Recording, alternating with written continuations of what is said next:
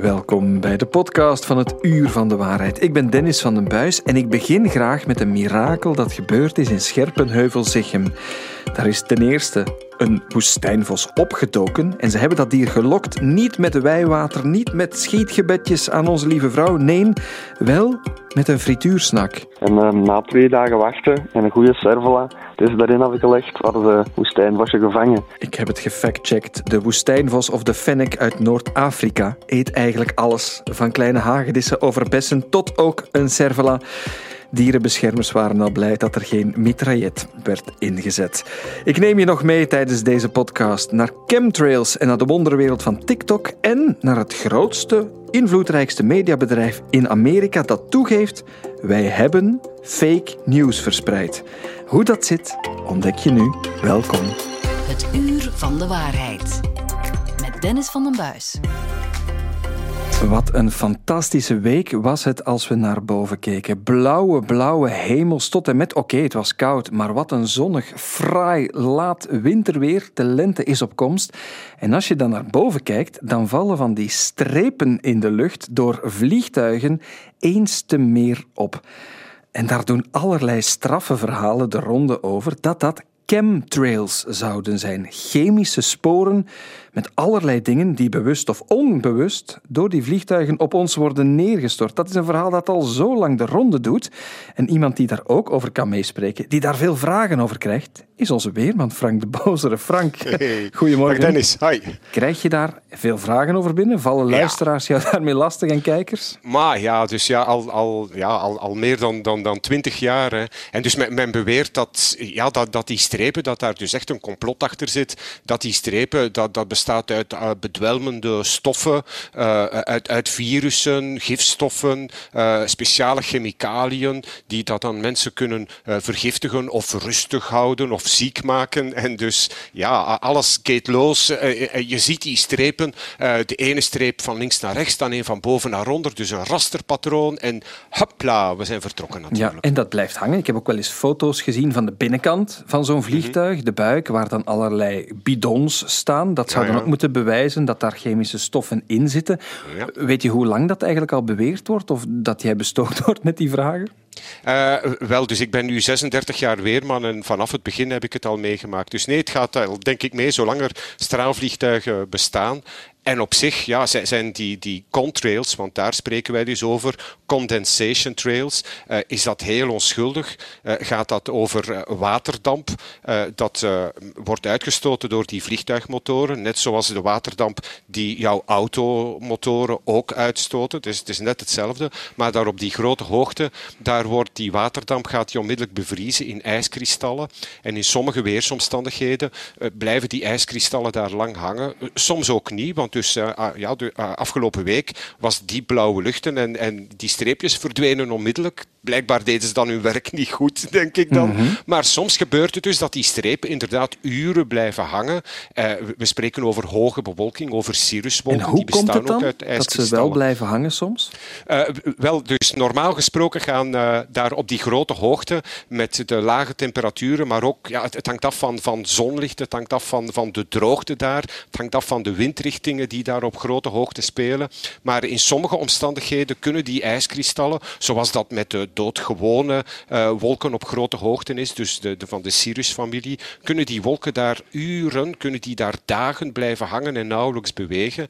En ja, het zijn dus wolken die door mensen zijn gemaakt, maar het is niet meer dan dat. Ja, dat, dat kan je verklaren door wat je ziet gebeuren, Frank. Maar kan je Mhm. uitsluiten dat ze daar op, wat is het, 10 kilometer hoogte een stof mee naar beneden laten dwarrelen om ons toch mak te houden? Aha, wie, wie weet. Wel, Dennis, uh, natuurlijk is dat in principe is dat mogelijk. Hè? Maar mij lijkt dat nogal dom, want uh, uh, boven mengt heel slecht met, met beneden. Uh, het, het duurt heel lang vooraleer een, een partikeltje op een hoogte van 10 kilometer, vooraleer dat beneden raakt. En dat zou ongelooflijk verdund worden. Dat zou niet zo goed zijn. Je kan veel beter dan met een voertuig doorheen de straat gaan rijden. Breng een auto ideeën. bijvoorbeeld. Maar, ja, maar nee, maar een gewone auto, dat, dat produceert net hetzelfde. En daar zitten inderdaad ook allerlei andere stoffen bij, want de uitlaat van een auto is niet onschuldig. En er is meer dan één auto die er rondrijdt in Brussel. Maar ja, natuurlijk, het visuele effect is er niet. Terwijl ja, die strepen aan de lucht, ja, dat lijkt wel gevoelens fressen om, om aan te tonen van kijk, kijk, ze, ze zijn er weer. Maar dus het mengt echt niet goed boven en beneden. Je, je kan veel beter als je uh, iets uh, slechts wil doen met de mensheid dan in een of andere metro gaan, gaan toeslaan. Want mm -hmm. daar zal alles wel blijven plakken. Okay. Maar sst, vertel dat niet verder. Nee, we gaan dat... Ja, het is te laat. We kunnen het, er, we kunnen het niet meer niet uitzenden nu natuurlijk, want okay. je hebt het live op de radio verteld, Frank, helaas. Maar ik wil jou nog altijd geloven dat dat, dat dat niet de beste manier is. Maar zijn er ook metingen? Kunnen we niet zien of er toch geen giftige stoffen zijn neergedwarreld? Is dat ooit, is dat ooit onderzocht, liever? Ja, ja, ja, natuurlijk wordt dat onderzocht. Hè. Dus uh, we kijken voortdurend naar de kwaliteit van de lucht. De mensen van de intergewestelijke cel van het leefmilieu, die meten alle dagen uh, welk fijn stof dat er in de lucht aanwezig is. En de Vlaamse Milieumaatschappij die volgt ook of dat er zware metalen in, in zwevend en neervallend stof zit. En, en zij zien inderdaad dat dat rond industriële sites dat dat inderdaad het geval is. Zij voeren daar voortdurend metingen uh, uh, naar. Maar ja, het blijkt in elk geval niet dat het van de hoogte van, van 10 kilometer komt. Uh, het, het, zou, ja, het zou echt te, te, te dom zijn om, om, om zulks te doen. Je zou dan echt veel meer je zorgen moeten maken om ja, pakweg alle grote steden en alle industriële sites. daar is er wel degelijk vervuiling en die zit daar iets meer punt geconcentreerd. Maar het zo hoog daar, daarboven doen, ja, dat is echt, echt te dom voor woorden. Dus samengevat, Frank, al die mensen die jou al gemaild hebben en nu nog de laatste maand van jouw officiële carrière als VRT-weerman denken te willen mailen over die chemtrails, ze moeten het niet meer doen eigenlijk. Wel, wat, ik ga in elk geval toch uh, het, het weer en het goede weer en het juiste weer proberen uh, ja, te, te blijven uh, duidelijk maken aan de mensen. Dus ja, mijn site bijvoorbeeld, die gaat heel zeker blijven bestaan.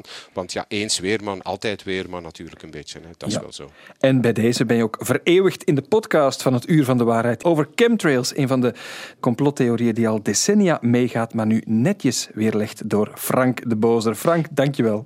Graag, Dennis. Heel graag gedaan. En heel blij dat ik in jullie podcast en in jullie uitzending zit. Want dit is een schitterende uitzending. We zouden dat meer moeten doen. Factchecks en uh, al de dingen die niet juist zijn, toch ook eventjes aan de kaak stellen. Oké, okay, het weer van morgen zo een andere keer factchecken. Frank, tot dan. Hè?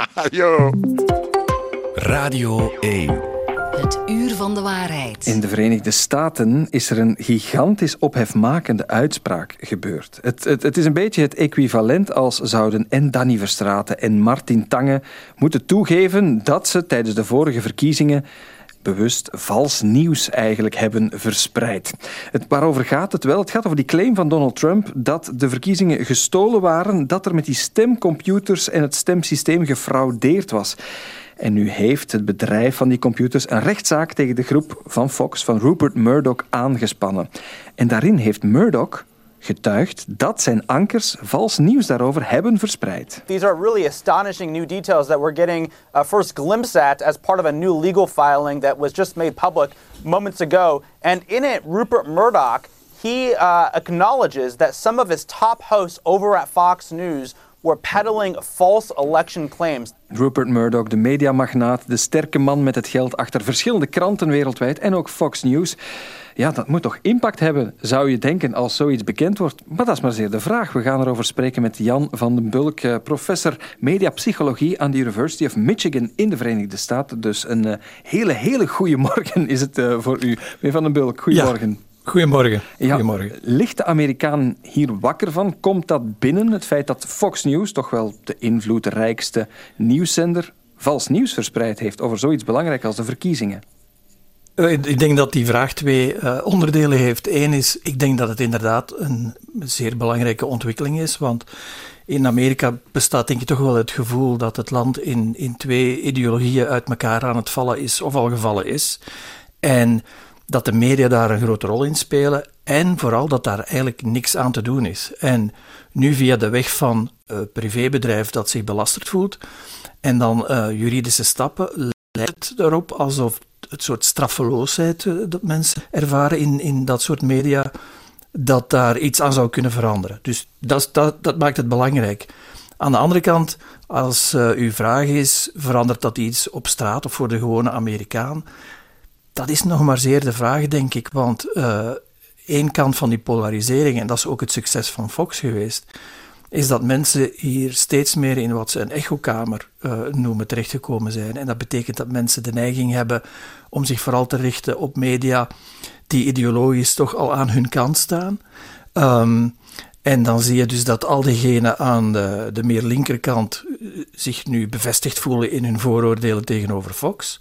En dat de mensen die uh, al het nieuws van Fox krijgen, misschien nauwelijks op de hoogte zijn van wat er aan het gebeuren is. Dus ik denk, dus of de man in de straat daardoor beïnvloed gaat worden, dat is nog maar zeer de vraag. Maar door het feit dat de media nu wel een heel sterk signaal krijgen dat iets zeggen waarvan ze weten dat het niet waar is, uh, tot ernstige financiële risico's leidt, omdat ze vervolgd kunnen worden.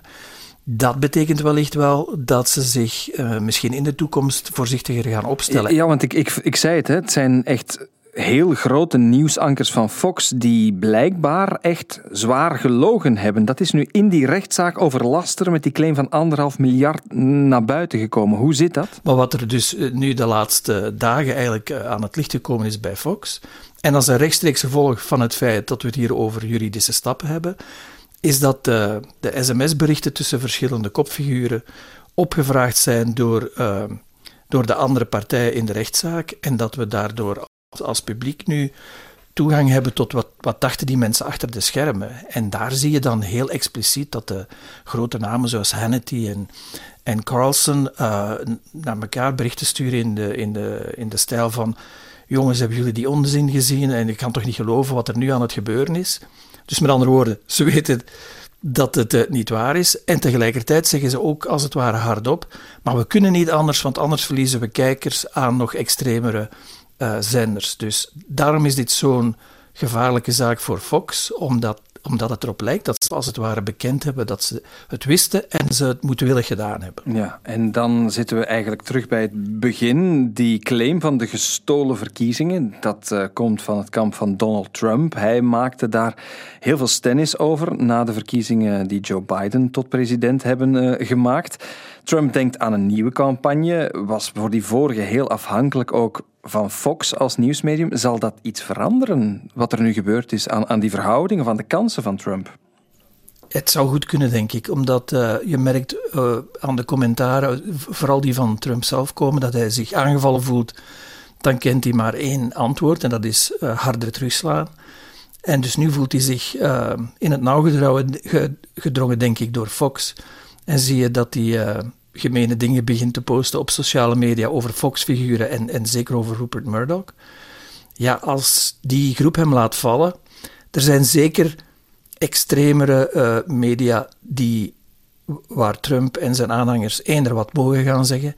Maar dat publiek wordt altijd kleiner natuurlijk voor hen. En in dat opzicht denk ik dat Trump uh, misschien wel een grote strategische fout maakt. Dus nu te agressief te weren tegen Fox, ja. Een ophefmakende rechtszaak met een ophefmakende betekenis met mogelijk gevolgen voor de volgende presidentsverkiezingen. Dat zullen we nog wel zien. In elk geval weten we nu hoe de kaarten liggen. Jan van den Bulk, professor mediapsychologie in Michigan. Dankjewel om bij ons te zijn. Graag gedaan. Het uur van de waarheid. De checkers. En het is hier op zaterdagochtend een beetje de zoete inval, want wat smijten ze hier binnen? Mijn op één na favoriete Luc bij de VRT. Nou, Luc Appermond, Luc van Bakel, goedemorgen. Dag Dennis, goedemorgen. Onze chef fact-checking. Jij hebt weer opmerkelijke verhalen meegebracht. Dingen die ofwel helemaal waar zijn, ofwel van de pot gerukt. Ik ben benieuwd. En starten doen we, Luc, in Ierland, want daar gaan er op sociale media berichten rond met een foto van een flyer. En op die flyer worden jonge vrouwen opgeroepen om na zes uur s'avonds binnen te blijven. Ja, het is een uh, heel opmerkelijk bericht. Het is in Ierland zelf honderdduizenden keren gedeeld. Het duikt nu ook hier op uh, bij mensen die in het Nederlands het bericht beginnen te verspreiden. Ook hier al tienduizenden keren gedeeld, onder meer op Facebook, op Twitter. En waarover gaat het? Het is dus een, een flyer die je ziet. En op die flyer staat er een boodschap. Uh, en er wordt dus eigenlijk opgeroepen aan meisjes om s'avonds binnen te blijven. Om dus niet meer op straat te komen na zes uur s'avonds. En er staat dan bij dat nieuwkomers in uw buurt uh, nog niet gewend zijn aan dat Ierse gebruik. Lees dus aan vrouwen op straat s'avonds. Uh, de flyer die werd ondertekend door het Ierse Centrum voor Diversiteit. Dat is een overheidsinstantie. Vreemd bericht, zeker omdat het ook nergens anders verschenen is en omdat het toch om een ingrijpende maatregel lijkt te gaan. Is het daarom wel waar? Uh, en dat heeft Karin Eekhout van Knak uitgezocht. Nee, het klopt niet. Belangrijke aanwijzing toch is het feit dat er geen logo op de flyer staat. Dus geen logo van het ministerie of van de organisatie die de flyer zou hebben verspreid, wat je toch eigenlijk kunt verwachten bij officiële overheidscommunicatie. Bovendien is er uh, al heel snel een uh, officiële ontkenning gekomen, zowel van het bevoegde ministerie als van de overheidsorganisatie die in de flyer wordt genoemd. Zij hebben officieel uh, ontkend iets met de flyer te maken te hebben, dus het gaat gewoon om een vervalsing. Samengevat, dat is gewoon... Zever, gezever! Een bericht bedoeld om mensen tegen elkaar op te zetten, niet meer of minder dan dat. Helaas hebben we dat hier al vaak meegemaakt. Zeker als het ook gaat over dingen die met migratie te maken hebben.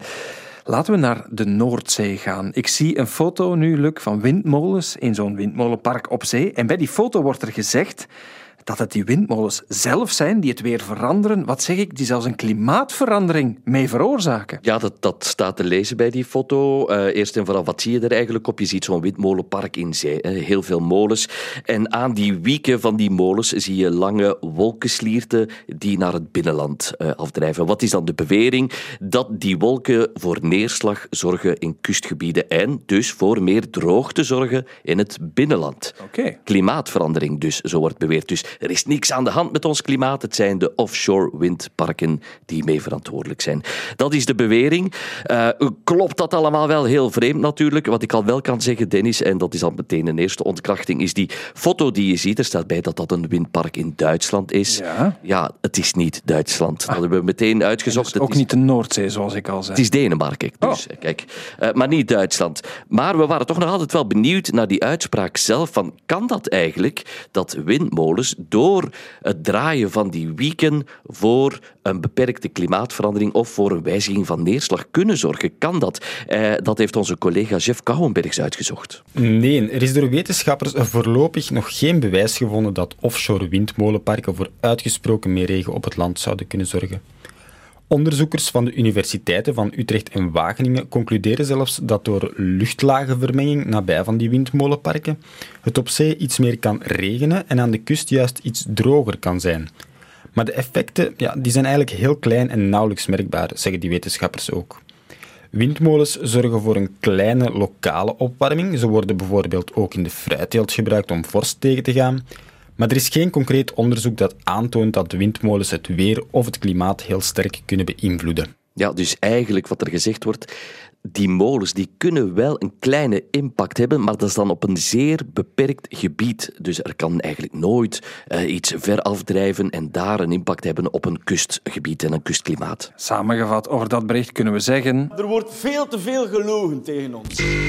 Dat is van de pot gerukt dat dat klimaatverandering zou opwekken, die windmolenparken. Tot slot, Luc, we gaan het over alcohol hebben, want is dat nu gezond of niet?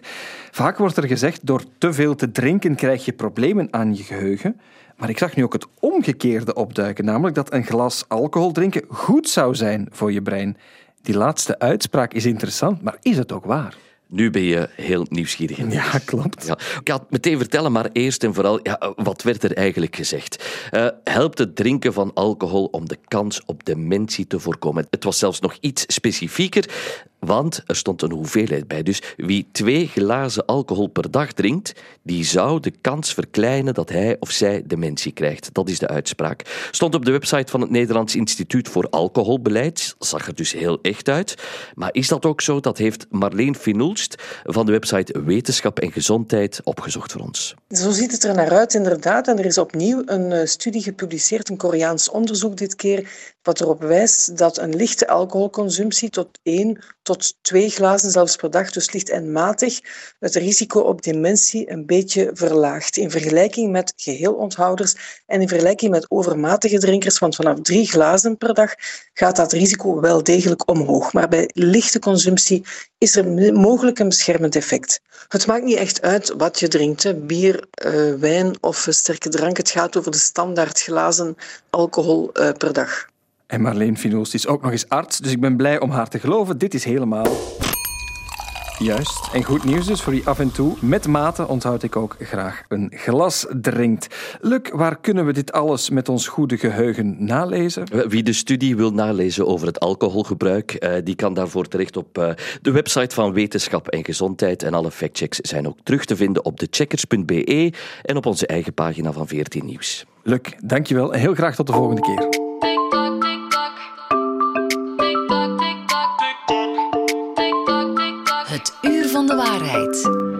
Over TikTok gesproken, wat was me dat een week over TikTok? Al dat nieuws waar we een beetje schrik van krijgen. Ik word er soms een beetje gek van. Mijn kind dat eindeloos zit te scrollen op TikTok. Cucumber, cucumber, cucumber, cucumber, cucumber. En dan nieuws over TikTok. Want mensen die voor de Europese Commissie werken, die mogen TikTok niet meer gebruiken. Nee, het mag niet meer op hun gsm staan. Is TikTok des duivels? Ook in Canada mag wie voor de overheid werkt niet langer de Chinese app TikTok installeren op zijn werktelefoon. TikTok zelf zegt dat het niet gevaarlijk is. Het is zeker een probleem als Chinezen meer over ons gaan weten dan wij over onszelf weten. Als je die actualiteit mag geloven, moeten we ons danig zorgen maken over TikTok van hoog tot laag. Dorien van Meldert, collega die alles over TikTok weet op onze redactie, is erbij. Dorien, goedemorgen. Goedemorgen, Dennis. Um, niet iedereen zit op TikTok. Nee. We zouden dat kunnen wegzetten als een sociaal medium waar we gekke dansfilmpjes op kunnen zien en doen, maar dat is niet meer zo. Nee, dat is echt wel een, een beeld dat een beetje verleden tijd is. Uh, in ons land zijn er miljoenen gebruikers op die app actief. En het zijn vooral jongeren uiteraard. Mensen onder de 25 jaar die daarop zitten. En die gebruiken die app echt wel als een soort van nieuwe Google. Ze gaan daar recepten opzoeken, tips voor hun citytrips gaan vinden. Je hebt ook BookTok, waar je heel veel boekentips terug kan vinden. Dus ja, jonge mensen gaan naar TikTok gaan in plaats van de Google-zoekmachine ja. tegenwoordig. TikTok is het internet, een universum op zich waar je alles op kan Ja. vinden. En dan komt dit erbij, van hoog tot laag. Politici tot ouders maken zich zorgen over dingen die naar buiten komen. Dan rijst de vraag, Doreen, moeten we dat gevaarlijk vinden, TikTok, als fenomeen? Wel ja, TikTok is sowieso een, een applicatie die heel veel gegevens van de gebruikers opvraagt. Soms ook gegevens die de app helemaal niet nodig heeft om te kunnen werken. Ze vragen bijvoorbeeld je locatie, contactenlijst, eh, welke video's je leuk vindt, ehm, je IP-adres, noem maar op. Mhm. En vanuit politieke hoek en vanuit eh, expertenhoek, mensen die met privacy bezig zijn, is inderdaad de vrees er gekomen de afgelopen tijd dat die app gebruikt zou kunnen worden voor spionage vanuit China. Het is een Chinese app van oorsprong. Um, en dat heeft ervoor gezorgd dat bijvoorbeeld het Europees Parlement, de Europese Commissie, maar ook de Canadese regering, heeft besloten dat ze de app gaan verbieden voor overheidsmede overheidsmedewerkers Ja. uh, op hun telefoon. Ja, en daar blijft het niet bij. Nog landen denken eh, daarover na. Nederland en Denemarken, dat Ja. is dat, dat hogere spionageniveau, zeg maar. Maar ook in het nieuws ja, het gebruik van kinderen, ouders die zich zorgen maken. Is het voor hen gevaarlijk? Ja, sowieso worden ook van al die jonge gebruikers heel veel gegevens opgeslagen en verzameld door TikTok.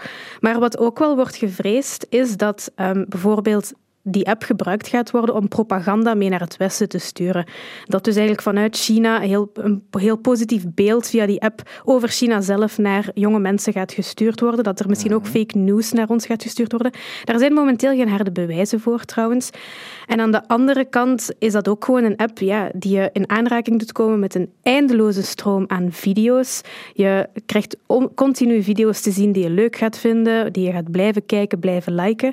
En dat zorgt ervoor dat dat toch een verslavend effect kan hebben op jonge mensen, op ons, eigenlijk, op ons allemaal eigenlijk. En dat is ook een bezorgdheid die er toch wel heerst. Ja, want er zijn ook wel voorbeelden natuurlijk. Denk ook aan dat geval van die Andrew Tate, die Mhm. uh, vrouwenhater, die heel populair werd, omdat hij in die algoritmes dan vaak opdook, ook bij jongeren. Ja, inderdaad. Uh, hij is um, Brits-Amerikaanse bokser en ook toch wel influencer, die heel opvallende uitspraken doet over hoe hij over vrouwen denkt. Vaak inderdaad vol vrouwenhaat, heel seksistisch. Mhm. Uh -huh. En dat is toch wel iets wat dat algoritme ook heeft opgepikt en bij heel veel jonge mensen tot aan de keukentafel zeg maar, heeft gebracht. Ja, man die nu dus ook uh, was opgepakt een tijdje Ja. geleden voor vrouwenhandel. Dus dat algoritme heeft wel een invloed en een macht.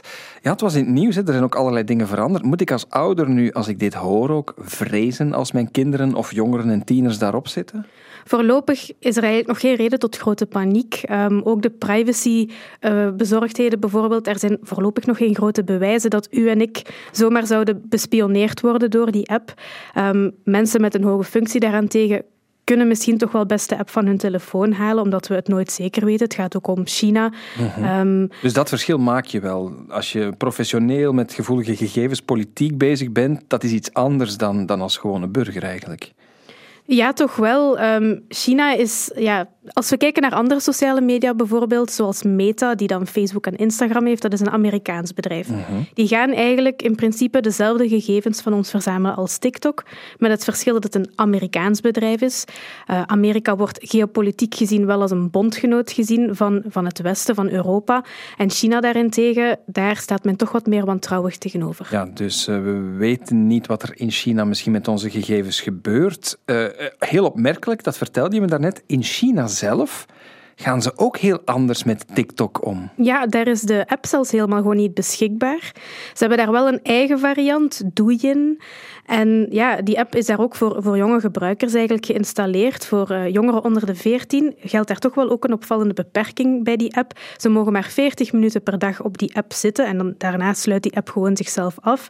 Plus tussen 10 uur s avonds en 6 uur s ochtends kan je die app bijvoorbeeld als jonge gebruiker ook niet gebruiken. Dus het valt wel op dat, dat er in China duidelijk andere regels, een andere app, uh, ja, eigenlijk gebruikt wordt voor jonge mensen, terwijl zij wel ook een app aan het Westen aanbieden. Met die, alle mogelijkheden, ja, alle gevolgen ja. van dien. Al is daar deze week dan ook in ingegrepen voor kinderen en jongeren. TikTok heeft wel duidelijk gemaakt dat ze beseffen dat hun app een verslavend effect kan hebben op gebruikers. Dat je kan beginnen doomscrollen, zoals we dat dan noemen, eindeloos blijven doorscrollen. En ze hebben daarom toch wel een beetje mea culpa geslagen en gezegd van kijk, binnen enkele weken gaan we bij jongere gebruikers die onder de 18 zijn standaard een tijdslimiet instellen. Als zij 60 minuten per dag op de app door hebben gebracht, krijgen zij een melding dat ze Toch wel hun limiet bereikt hebben. En dan kunnen ze ofwel kiezen om gewoon te stoppen met de app, of moeten ze een code ingeven om de app terug te doen werken. Ja, toch een soort van mea culpa. Ja. Um, even terug toch naar dat hogere politieke echelon, want ook in ons land ja, zijn politici bezig met TikTok, medewerkers van politici. Mm -hmm. Hebben wij maatregelen, richtlijnen daar rond? Ja, dus Eigenlijk gelijkaardig met de commotie die bij de Europese instellingen en in Canada bijvoorbeeld is beginnen groeien, is dat ook in ons land wel beginnen rommelen. Dat verschillende partijen zich zorgen beginnen maken. En dat heeft ertoe geleid dat onze premier, Alexander De Croo, gisteren heeft aangekondigd dat hij aan de inlichtingendiensten een nieuw advies heeft gevraagd over TikTok, maar ook andere apps. Want er was er alleen van de staatsveiligheid. Ja, in, in 2020 al heeft staatsveiligheid gewaarschuwd voor de app. Meer bepaald dat mensen met een hoge functie, die toch best, de app toch best niet installeren op hun werktelefoon of op een privételefoon waar werkgegevens op staan. Ja, dat was een advies, maar nu wordt er dus een nieuw advies gevraagd. Ja, dus de premier heeft een nieuw advies gevraagd. Dat zou er volgende week aankomen. En daaruit zal moeten blijken of er bijvoorbeeld in ons land ook een verbod nodig zal zijn bij overheidsmedewerkers. Ja. Hoe reageert TikTok eigenlijk op die wereldwijde heisa die er toch is op al die niveaus? Ja, TikTok beweert natuurlijk dat zij zich aan de privacywetgeving houden die er hier geldt. Dat zij um, ook ja, de, de, gegevens op een correcte manier verzamelen. Dat zij die niet doorspelen aan de Chinese overheid. Dat zij daar gewoon niet aan meedoen. Kan dat eigenlijk? Wettelijk zouden de Chinezen dat kunnen, omdat dat een Chinees bedrijf is. Dat wordt toch wel eens gezegd? Ja, er is een wetgeving in China die bedrijven zou kunnen verplichten om samen te werken met de overheid. Nu, experten zeggen ook wel dat die wet wat genuanceerd moet worden. Dat dat niet betekent dat je echt daar helemaal toe verplicht wordt. En TikTok zelf zegt ook van kijk, we hebben nog nooit samengewerkt met de overheid, we gaan dat ook nooit doen. Mhm. En om, om dat eigenlijk kracht bij te zetten, dat vertrouwen, gaan ze nu ook bijvoorbeeld datacentra in Europa installeren, waardoor dat de gegevens van Europese gebruikers hier in Europa worden opgeslagen. En niet in de buurt van ja. Beijing of ergens daarbuiten waar de machtige servers ja. ook zouden staan. Um, samengevat, het is een, een, een verhaal waar we heel veel vermoedens hebben en Mhm. vraagtekens van zelfs de allerhoogste instanties. Hoe moet ik daar nu mee omgaan als ik die app gebruik of mijn kinderen hebben die? Moet ik die verwijderen, blokkeren of kan ik gewoon voortdoen. Wat is Ja. jouw advies? Wel, ik heb met verschillende experten uit de technologiewereld, maar ook bij mensen die rond mediawijsheid werken, gesproken. En zij zeggen mij allemaal van, voorlopig is er geen aanleiding om die app gewoon massaal te verwijderen of jouw kinderen te verbieden om daarop te zitten. Ehm, er zijn gewoon nog niet genoeg gegevens om echt zo alarmerend te werk te gaan. Wat je wel kan doen, is bijvoorbeeld eens naar de instellingen van jouw smartphone gaan en daar kan je bepaalde toegang die de app heeft tot jouw locatie, tot jouw agenda, allemaal uitzetten. Wat En de- hij blijft wel werken dan. ja, dan blijft de app gewoon volledig werken, maar kan hij gewoon bijvoorbeeld niet meer in jouw contactenlijst, kan hij niet meer weten waar je precies bent en dergelijke. Oké, veilig ermee omgaan is nog altijd aangeraden. En het kan ook eh, zeer genuanceerd verhaal. En ook op 14 Nieuws kunnen we dat allemaal nalezen, denk ik. hè? Ja, daar staan nog meer tips om het gebruik van de app veiliger te maken, inderdaad. Goed, en eerdere TikTok-verhalen uitgebreid al in eerdere afleveringen van het Uur van de Waarheid, die je als podcast in VRT Max kan eh, herbeluisteren. Dorien van Melder, dankjewel. Graag gedaan. En daarmee zit deze podcast van het Uur van de Waarheid er weer helemaal op jouw vaste afspraak van VRT Nieuws en Radio 1 over de wereld van desinformatie, complotten en fact-checking. Wil je meer afleveringen ontdekken? Dat kan op één adres, de app van VRT Max. En je weet wat ik ga zeggen, dat is alles behalve... Fake news, fake news. There's never been an innovation that's so easy to do. They used to be lies, now they're alternative truths. So if you fake it with me, I'll fake it with you. Tot het volgende uur van de waarheid. Yeah. This song